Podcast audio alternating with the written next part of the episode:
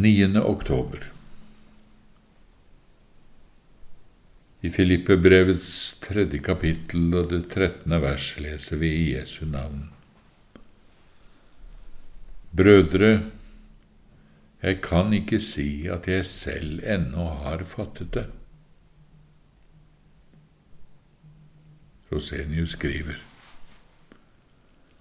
Her ser vi hva det vil si å være frisk og sunn i vårt indre menneske. Her hører du den store apostelen Paulus sier at han ennå ikke har fattet det. Hva mener apostelen med det? Har han ennå ikke fått troen, den evangeliske friheten, liv og frelse i Kristus? Å jo, han hadde alt dette. Vi vet at når han skrev dette brevet, var hans forkynnelse alt spredt utover hele landet.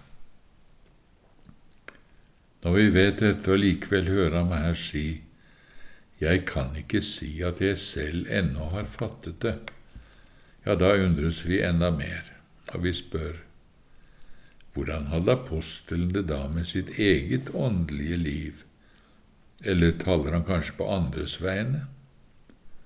Kanskje han her gir uttrykk for hvordan en nybegynner i kristendommen har det. Et menneske som ennå ikke for alvor tør tro at han lever i nåden, eller en som ikke i det hele tatt er kommet gjennom den trange port. Å nei, i dette samme kapitlet, versene 1 til 14, har han nettopp fortalt sin egen åndelige historie. Der taler han bare om seg selv, og sier det altså her uttrykkelig. Kjære brødre, jeg kan ikke si at jeg selv ennå har fattet det. Disse ordene taler altså en mann som langt fra er noen nybegynner i kristendom, men som tvert imot lever så på høyden av det evangeliske troslivet, som langt fra kan sies om noen av oss.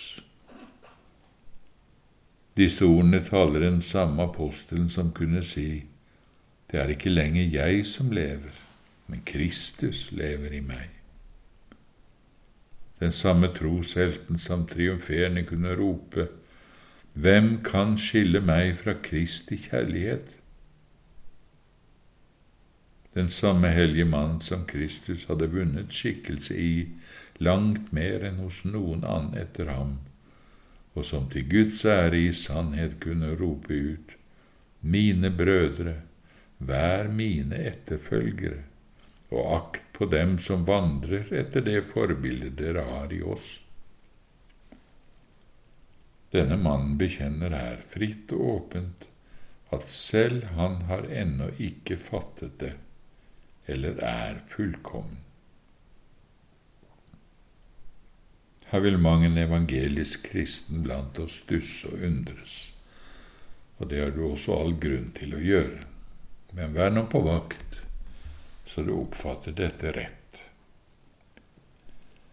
Når Paulus her taler om sin ufullkommenhet, taler han ikke om hva han er i Kristus overfor Gud.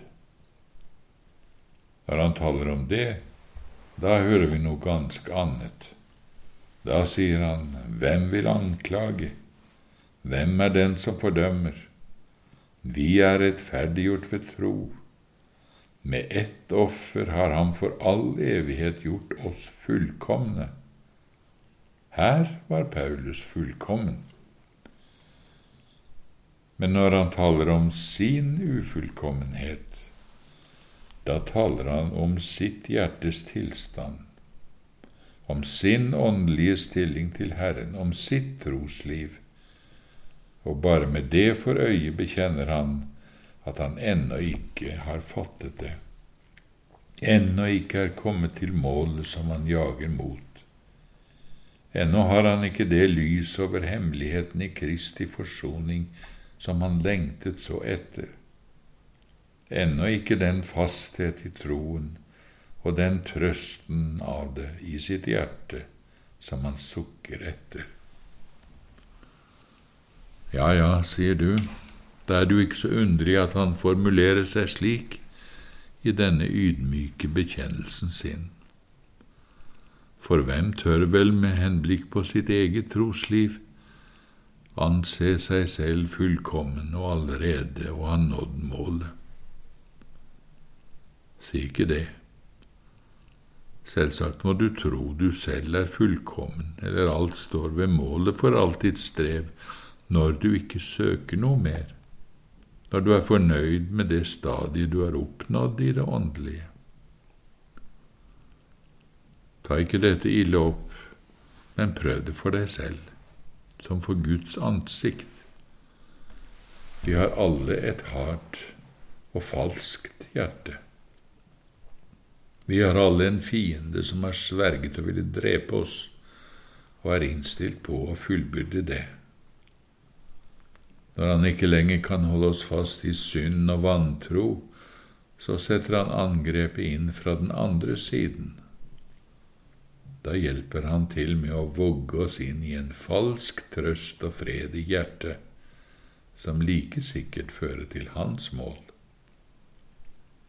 Han trøster oss med at nå er du en opplyst og evangelisk kristen. Nå behøver du ikke mer, nå er alt i orden. Og om han ikke sier det til oss i så klare ord, så blåser han på sjelens øye med sitt søvndyssende åndedrag. Da sovner du og blir likegyldig, så resultatet blir nøyaktig det samme. At sjelen er mett og vel tilfreds med sitt standpunkt, og har ikke lenger noe behov for fornyelse eller vekst i nåden og i sannhet til vår Herre Jesus Kristus. Men den som virkelig gjør bruk av det evangeliet lærer, og ikke bare har det i forstand og munn, men vil eie evangeliets kraft i tro, fred, glede, kjærlighet, gudsfrykt, han vil aldri bli utlært. Han vil bare mer og mer kjenne hvor mye han ennå trenger å lære. Og akkurat her er årsaken til at vi taler så sterkt om det å være åndelig mett. For det er et sterkt vitnesbyrd om noe helt konkret. Det vitner nemlig om at det er inntrådt en stillstand. Selve nådelivet er begynt å dø ut. Du lever for eksempel et fint kristent liv. Du har en bibelsk dagsrytme med bestemte tider til bibel og bønn, til gode gjerninger. Du kan også med rette bekjenne at mine synder er forlatt. På det og det tidspunkt i livet fikk jeg troens visshet om at dette er sant. Og så er du fornøyd. Alt er vel. Du er ved målet. Ja, sier du, er vi da ikke virkelig også ved målet? Er ikke da alt vel? Jo, hvis du nå også har fått troen og lever i Kristus, da er dette ganske visst alt vel med din rettferdighet overfor Gud. Merk deg, kjære sjel, i Kristus er du så fullkommen i Guds øyne så du aldri riktig kan tro det som det er. Må Gud gi deg nåde til alltid å kunne holde den saken klar. Men selv da, ja, akkurat da, når det er rett med ditt liv i nåden og fullkomment vel overfor Gud, da vil du selv kjenne at det alltid mangler noe hos deg selv. Da må du ha Paulus sitt sinn som sier, jeg er ennå ikke ved målet, men jeg jager etter det. Da må du kjenne og erkjenne alt du mangler i ditt liv i nåden, i troen og gleden i Herren, i kjærligheten og gudsfrykten. Da må du leve i en daglig hunger og tørst etter rettferdigheten, slik som du ser det her hos Paulus.